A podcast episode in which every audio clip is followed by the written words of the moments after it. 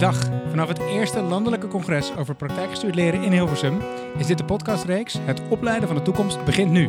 Mijn naam is Frank Hulsbos. Op het moment dat er certificaten zijn, kunnen we ook veel beter kijken van ja, maar dat, waar je wil gaan werken en, en waar ze je hard nodig hebben, hoef je dat ook allemaal niet te doen. En kunnen we ook met een deel van de opleiding jou een certificaat geven. Dat certificaat wordt ook bij DUO geregistreerd en heeft een landelijke erkenning, een civiel effect zoals we dat noemen.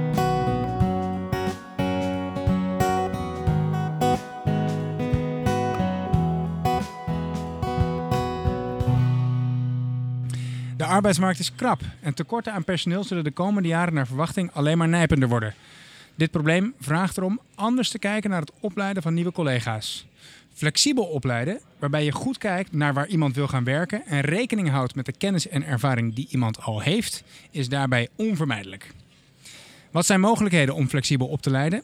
En wat belemmert deze manier van opleiden en wat is er nodig om het anders te doen en beter in de praktijk te brengen? Over deze vragen ga ik in gesprek met mijn gast Harm Kroese, accountmanager gehandicaptenzorg bij ROC Mondriaan en een van de trekkers van een werkgroep Arbeidsmarkt van het landelijk netwerk Praktijkgestuurd Leren. Welkom Harm in de podcast. Wat leuk dat je er bent. Dankjewel Frank. Eh, stel je voor, Harm, ik ben eh, 30 jaar oud. Ik heb ooit mijn HAVO-diploma gehaald. En ik heb daarna 10 jaar eh, ervaring opgedaan in de horeca. Eh, en ik wil nu begeleider LVB worden. Eh, hoe kunnen we mij dan helpen om flexibel en snel tot een ja, vakbekwaam professional te worden? Ja, dat is een heel mooi voorbeeld, Frank. Want iemand die al eh, heel veel eh, werkervaring heeft en bijvoorbeeld ook al een HAVO-diploma gehaald heeft, ja, gaan we die nog eh, drie jaar lang in een opleidingstraject zetten. Waar die helemaal niet op zit te wachten waarschijnlijk. Want die wil gewoon aan de slag met zijn LVB-cliënten. Dus wat gaan we dan doen? Nou, dan zijn er in het PGL mogelijkheden. Want in het PGL volg je een individuele leer- leerroute die, die kan leiden naar eh, bijvoorbeeld een certificaat ook, in plaats van een diploma. In plaats van naar een volledig diploma. Even voor de luisteraar die dat niet weet. Een certificaat, daarmee bedoelen we eigenlijk een, een onderdeel van de opleiding. Hè? Dan kun je dus dat je, dat je aantoont dat je op iets specifieks wat jij nog niet kende of kon... laat Ja. zien dat je het wel kunt. Terwijl we ge- gewend zijn om meer vanuit het diploma te denken. Waarbij je eigenlijk alle eisen die binnen een opleiding worden gesteld moet volgen en afronden. Ook als je ze misschien op basis van eerder verwoorden, verworven kennis en ervaring al Al hebt. hebt. En dat is precies wat, eh, wat mogelijk wordt, omdat we in het PGL is de praktijk eh, eh, sturend in wat je gaat leren. En ga je dan met een LVB-populatie werken, dan kunnen we kijken wat zit er nu in het onderwijs wat daarbij past. En kunnen we je daarmee een, een certificaat ook geven, als dat eh, wat eh, gedaan is, eh, toe- toereikt aan, eh, aan dat deel van de opleiding. Een certificaat is inderdaad een deel van de opleiding. Ja, en dat klinkt eigenlijk heel logisch. Hè? Je zou zeggen van we hebben te maken met eh arbeidsmarktkrapte. Dus we, moeten echt ons best doen om zoveel mogelijk goede mensen aan te trekken. Eh, dus snel en flexibel opleiden en rekening houden met wat iemand al in huis heeft. Ja, dat, dat lijkt me heel logisch om te doen. Toch is het blijkbaar niet vanzelfsprekend. Want nou, jij zit in een werkgroep die zich daarover buigt, over die vragen. Vandaag op het congres eh, organiseer je een workshop waarin dat thema ook weer centraal staat. Het is- blijkbaar in de huidige context, in het, in het huidige onderwijsland, niet vanzelfsprekend dat we het zo doen. Klopt dat? Of eh, wat komt zijn om- belemmerende factoren bijvoorbeeld? Nou ja, dat komt omdat we altijd toewerken naar een volledige kwalificatie. Naar een volledig diploma. En een volledig diploma. En dat noemen we in het MBO een drievoudige kwalificatie. Je wordt opgeleid voor een vak. Je wordt opgeleid als burger. En je wordt eh, opgeleid voor de mogelijkheid om door te leren. Zodat je ook op de algemene vakken Nederlands, rekenen en Engels voldoende resultaten behaalt. Maar misschien zijn al die dingen niet nodig. Of heb je die al gedaan? Of ga je dat rekenexamen bijvoorbeeld niet halen? En eh, op het moment dat er certificaten zijn, kunnen we ook veel beter kijken van ja, maar dat, eh, gezien de, waar je wil gaan werken en, en waar ze je hard nodig hebben, hoef je dat ook allemaal niet te doen. En kunnen we ook met een deel van de opleiding jou een certificaat geven. En dat certificaat, en dat is nieuw, wat deze mogelijkheid openzet. Dat certificaat wordt ook bij DUO geregistreerd en heeft een landelijke erkenning. Een civiel effect, zoals we dat Ja. noemen. Waarmee iemand dus eh, eh, iets leert, waarmee die landelijk ook eh, kan laten zien dat hij iets gedaan heeft. Ja. En ook weer, stel dat hij waar dan ook een eh, opleiding wil gaan doen, alsnog studieverkorting kan krijgen. Ja. En dat is nieuw. Dat is nieuw? Die certificaten zijn nieuw. Oké, ja, ja. Dus werken met certificaten is nieuw. Ja. Maar dat is, gaat, gaat dat overal even gemakkelijk? Want het, het is wel echt even een andere manier van kijken. Hè? Eigenlijk het loslaten van dat brede diploma, waarbij bijvoorbeeld ook eh, reken- en taalvaardigheden, eh, waarvan reken- en taalvaardigheden ook een onderdeel zijn, naar veel specifieker naar, oké, waar wil jij gaan werken? Wat is daar precies nodig? Wat neem je al mee uit eerder werk of uit eerdere ervaringen? Oké, dan. Dat is wel echt even een andere manier van kijken. Ik kan me voorstellen dat dat, ja, voor, nou, voor sommige mensen ook wel even wennen is. Of misschien wel tegen een paar heilige huisjes aan eh, schoppen is. Ja, tuurlijk is dat. Want iedereen denkt van dat je het, het volledige curriculum moet doorlopen en alles gedaan moet hebben. Maar dat, dat, dat, dat is voor heel veel mensen niet zo. En bovendien, eh, het is niet zo aantrekkelijk ook eh, eh, op deze concurrerende arbeidsmarkt met al die tekorten die er zijn en die eraan komen. Hè, vanochtend hoorde ik nog voor het nieuws dat. dus, dus de, laatste kwartaal is er, weer- zijn er weer 44% meer vacatures. Ja. Nou, dat stopt nog niet voorlopig. Dus je wil mensen boeien en binden. En gaan we mensen boeien en binden met het perspectief dat je een driejarige opleiding moet doen? Of gaan we mensen boeien en binden met, het, met de mogelijkheid een deel van die opleiding te doen? Waarmee je ook iets haalt waar je, waar je morgen iets aan hebt. Ja, en die past bij jouw situatie. Hey, want eh, jij hebt al lange tijd ervaring in deze sector, hè?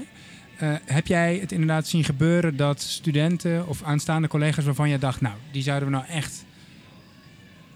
Die zou ik dolgraag meteen aan het werk zien in de zorg. Dat, dat, dat die eigenlijk afgeschrikt werden of zelfs afvielen door, ja, door dat, zal ik maar even zeggen, diploma denken. Ja, ja, dat zeker. Want ik zie mensen die eh, eh, geen driejarig traject willen volgen, dat ook niet hoeven. Die kunnen we tot nu toe ook eh, met een korter traject bedienen in het bekostigde onderwijs. Maar dan willen we dat iemand al voldoende ervaring heeft, want dan heeft hij voldoende geleerd om ook dat verkorte traject A, B, C, D in het juiste volgorde te doorlopen. Maar mensen die komen binnen en die hebben nog geen anderhalf jaar ervaring. En dan zeggen wij, oh, dat is vervelend, dan moeten we toch eh, aan het begin gaan beginnen. Terwijl we nu kunnen zeggen van nee, weet je, als je nu dit certificaat doet, dat past heel goed bij wat je al gedaan Mhm. hebt en wat je gaat doen.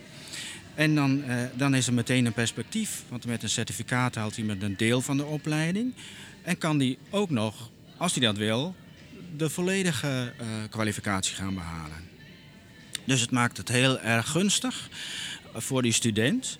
En, voor, ehm, en, en met de werkgever, met de CNLO in dit geval, kunnen wij gaan kijken hoe we dat gaan regelen. Want die certificaten zijn nog wel steeds onbekostigd onderwijs. Derde leerweg noemen we dat.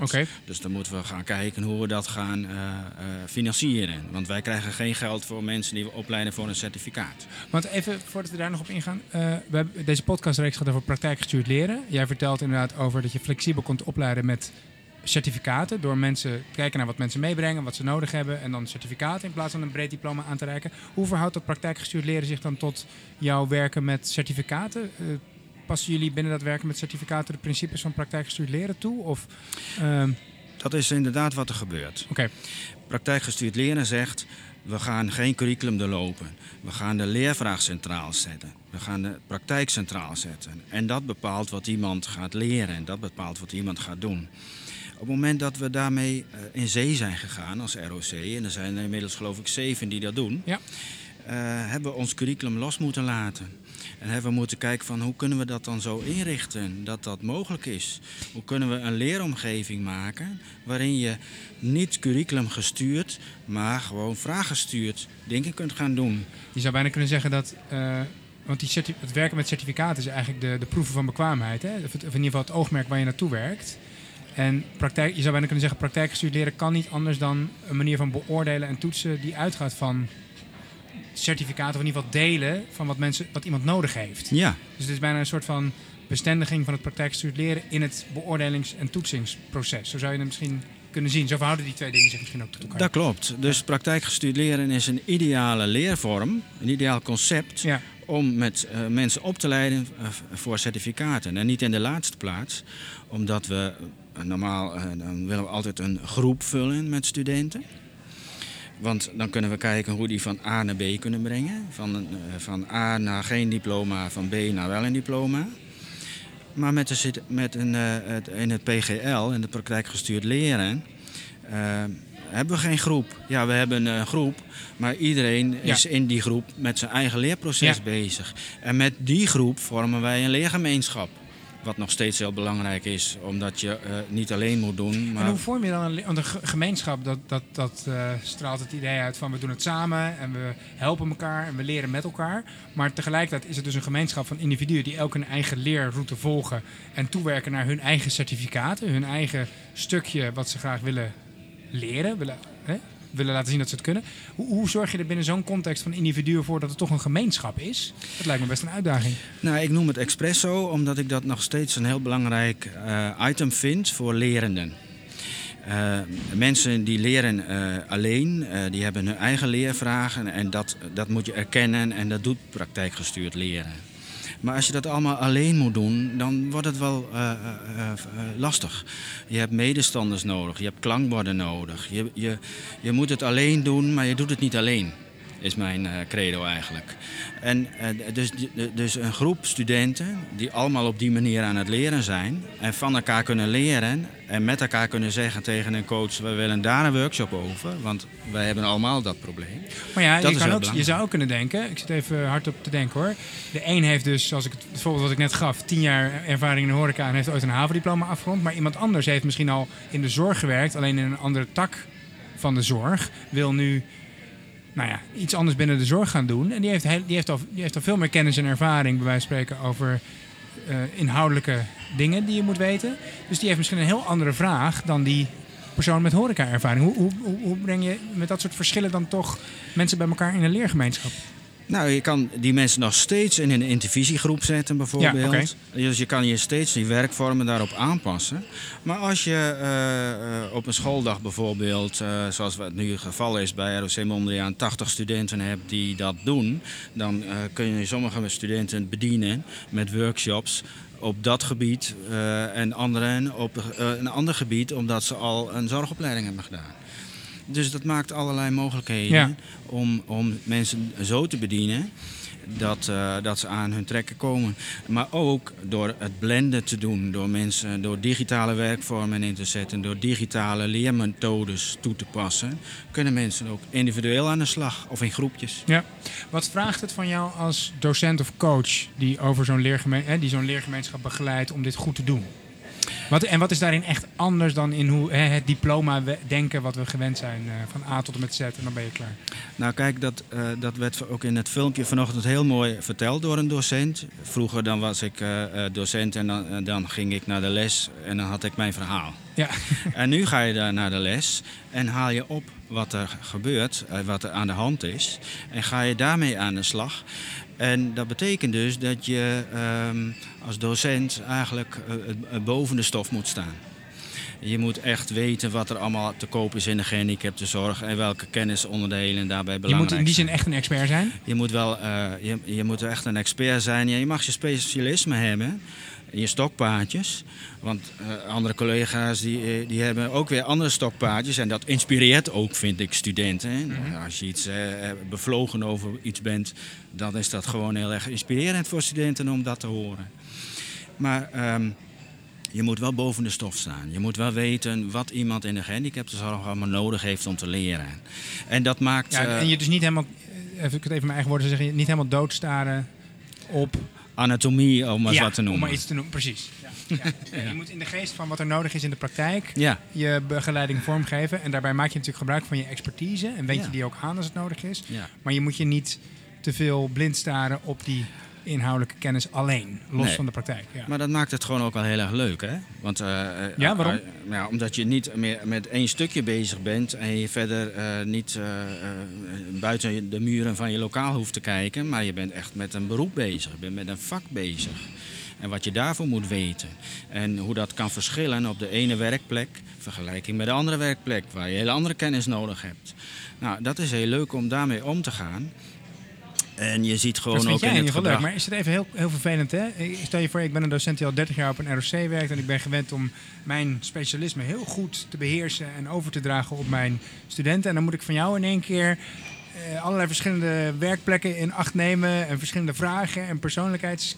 Hè, mensen met verschillende persoonlijkheden en achtergrond. Dat is Ja, maar dan moest hij, even, even een opslag, kan ik me zo voorstellen. ja, maar dan moest hij natuurlijk altijd wel. Hij moest natuurlijk altijd wel een beetje zo Ja. kijken. Alleen hij kon zich nog heel erg met zijn eigen vakspecialisme bezighouden. En eh, nu mag hij daar een workshop over geven. En als er een vraag over is, en dan moet hij dat vooral doen, want daar is hij goed in. Maar hij kan zijn blik Dat kan nog steeds. Dat kan nog steeds. Je hebt nog steeds ruimte om je expertise bij wijze van te botvieren. Alleen daarnaast eh, pas je je ook echt veel meer aan op basis van wat er op je afkomt. wel- Welke student je voor je hebt, waar die gaat werken, wat hij nodig heeft. Ja, ik bedoel, ik was eh, vorige week op het HBO en daar ontmoette ik een docent die, die wist heel veel van voeding en die had er heel veel onderzoek naar gedaan. Nou, ook leuk om daar iets over te horen en dat kan studenten stimuleren en prikkelen om daar ook leervragen over te hebben. Het komt altijd van twee kanten. Ja. Hey, Harm, jij bent, zoals ik al zei bij de introductie, eh, lid van een werkgroep binnen het landelijk netwerk Praktijk Gestuurd Leren, die zich helemaal buigt over die arbeidsmarktproblematiek. Hè? En dus ook als een van de oplossingen daarin ziet het flexibel opleiden. Wat zijn vanuit jullie werkgroep voor de komende tijd ja, de grote vragen die jullie, ja, waar jullie over willen buigen?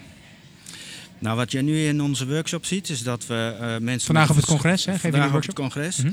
Is dat mensen een verschillend cv hebben. En dat iedereen echt dan gaat zitten en kijken van... Goh, iemand met dat cv, wat kunnen we die nu laten doen? En, ehm, en, en, en, en Hoe kunnen we die nou helpen? Om Hoe kunnen we die nou zo snel helpen? mogelijk en zo leuk mogelijk. En eh, waarbij we de mogelijkheid opzetten, naar, eh, openzetten naar, naar meer dan alleen een volledige kwalificatie voor de verzorgende of de maatschappelijke zorg. En eh, als we daar met elkaar over in gesprek gaan, dan kan dat denk ik iedereen inspireren om dat ook werkelijk te gaan doen. Want de certificaten die er nu zijn en, en er komen, die zijn nog niet genoeg geland. Wat bedoel ik. je daarmee? Nou, ik zie soms studenten waarvan ik denk, nou weet je, dat is eh, leuk dat je een volledig diploma haalt. Maar ehm, er zijn ook wel eh, routes eh, mogelijk inmiddels. Die, eh, die maakt dat je in minder tijd. Oh, als je zegt niet- nog niet voldoende geland is, dat het gewoon nog niet... Het is nog geen schering en inslag. Het, het is nog niet heel Nee, gebruikelijk niet. om het op die manier te doen. We zijn Absoluut nog niet. heel erg in dat... Wat je, ik heb de beschrijving van jullie workshop van vandaag bijvoorbeeld gelezen. En daar hebben jullie het over het diploma denken. Even tussen aanhalingstekens. Dus het, en dat is nog een dominante manier van denken eigenlijk. Impliceert jullie workshoptekst. Dus we zijn nog heel erg gewoon om te denken vanuit het idee... Iemand die het vak, wat het ook mogen zijn, wil gaan doen binnen de zorg... Die moet het volledige diploma... En ja. dus de volledige opleiding die daarbij hoort volgen. Ja, en, eh, de, eh, en, en vandaar ook de gechargeerde term skillsgericht eh, kijken. Wat, iemand, wat moet iemand nog leren? Welke vaardigheden moet iemand nog leren? En welke heeft hij al? En wat is dan een geschikt certificaat om dat te gaan Dus doen? eigenlijk is het misschien de, de grootste belemmering wel eh, ons, nou ja, zeg maar dominante eh, manier van kijken naar opleiden en Ja. vakbekwaam zijn. Ja, natuurlijk. Want als die certificaten er zijn, dan moeten we nog wel zo gaan denken in die mogelijkheden. En dat gebeurt nog te weinig. Ook zelfs, denk ik, durf ik te zeggen, binnen CRLO eh, heeft men nog niet alle mogelijkheden benut. Maar dat is natuurlijk ook wel eh, begrijpelijk, want iedereen loopt tegen het vraagstuk aan hoe je dat dan in je loongebouw binnen CRLO gaat regelen. En als iemand een certificaat haalt, hoe verhoudt zich dat met iemand die een volledig diploma heeft? En, en moet dat herkenbaar zijn in ja, het precies. loongebouw? Dat is nog de andere kant. We hebben het heel veel gehad over, tot nu toe in het gesprek, over wat vraagt dat nou eigenlijk van de opleiding en hoe kan de opleiding en de, bijvoorbeeld ook de rol van de docent en eh, gewoon onze manier van denken zich aanpassen, zodat we meer vanuit certificaten kunnen opleiden, flexibel kunnen opleiden, maar ook binnen de werkpraktijk Ja, Eh, als je diploma X hebt, dan hoort daar deze salarisschaal bij. hè? Precies. En, dat, dat, dat zijn ook allemaal praktijken, zou je kunnen zeggen, binnen de, praktijk, binnen de zorgorganisaties die zoiets in stand houden. Waar beleid op gemaakt moet worden. Zodat dat, eh, en, en dat beleid moet ook weer landen, zodat mensen dat gaan eh, toepassen. Zijn jullie daarover in gesprek, eh, zeg maar vanuit eh, de onderwijsinstelling met werkgevers, met zorgorganisaties? Kom naar onze workshop, Ja. dan zijn we daarover Ja. in gesprek. En stel je voor eh, dat eh, mensen na dat ze deze podcast hebben geluisterd nog met jullie werkgroep of met jou in contact zouden willen komen? Zou dat, eh, omdat ze bijvoorbeeld geïnteresseerd zijn in dit onderwerp, Leuk? zouden ze jou dan eh, kunnen benaderen? Ja, absoluut. Ik zal in de show notes eh, een link naar je LinkedIn pagina zetten. Doe mijn e-mailadres maar. Ik ben niet zo actief op. LinkedIn. Oké. Super. Nee, dankjewel Harm. Eh, we hadden een interessant gesprek over manieren om meer recht te doen aan wat iemand al kan en wat iemand wil. En wat dat vergt eigenlijk van opleiden en leren. Ehm, mag ik je hartelijk danken en veel succes en plezier wensen vandaag op het congres. Dankjewel Frank. Deze podcastreeks wordt georganiseerd door een landelijk netwerk van ROC's, hogescholen en zorgorganisaties. In deze podcastreeks onderzoeken we de waarde van praktijkgestuurd leren en de grootste vraagstukken waar we de komende jaren mee te maken krijgen. Mocht je in contact willen komen met het leernetwerk, mail dan naar contact@praktijkgestuurdlerenindezorg.nl.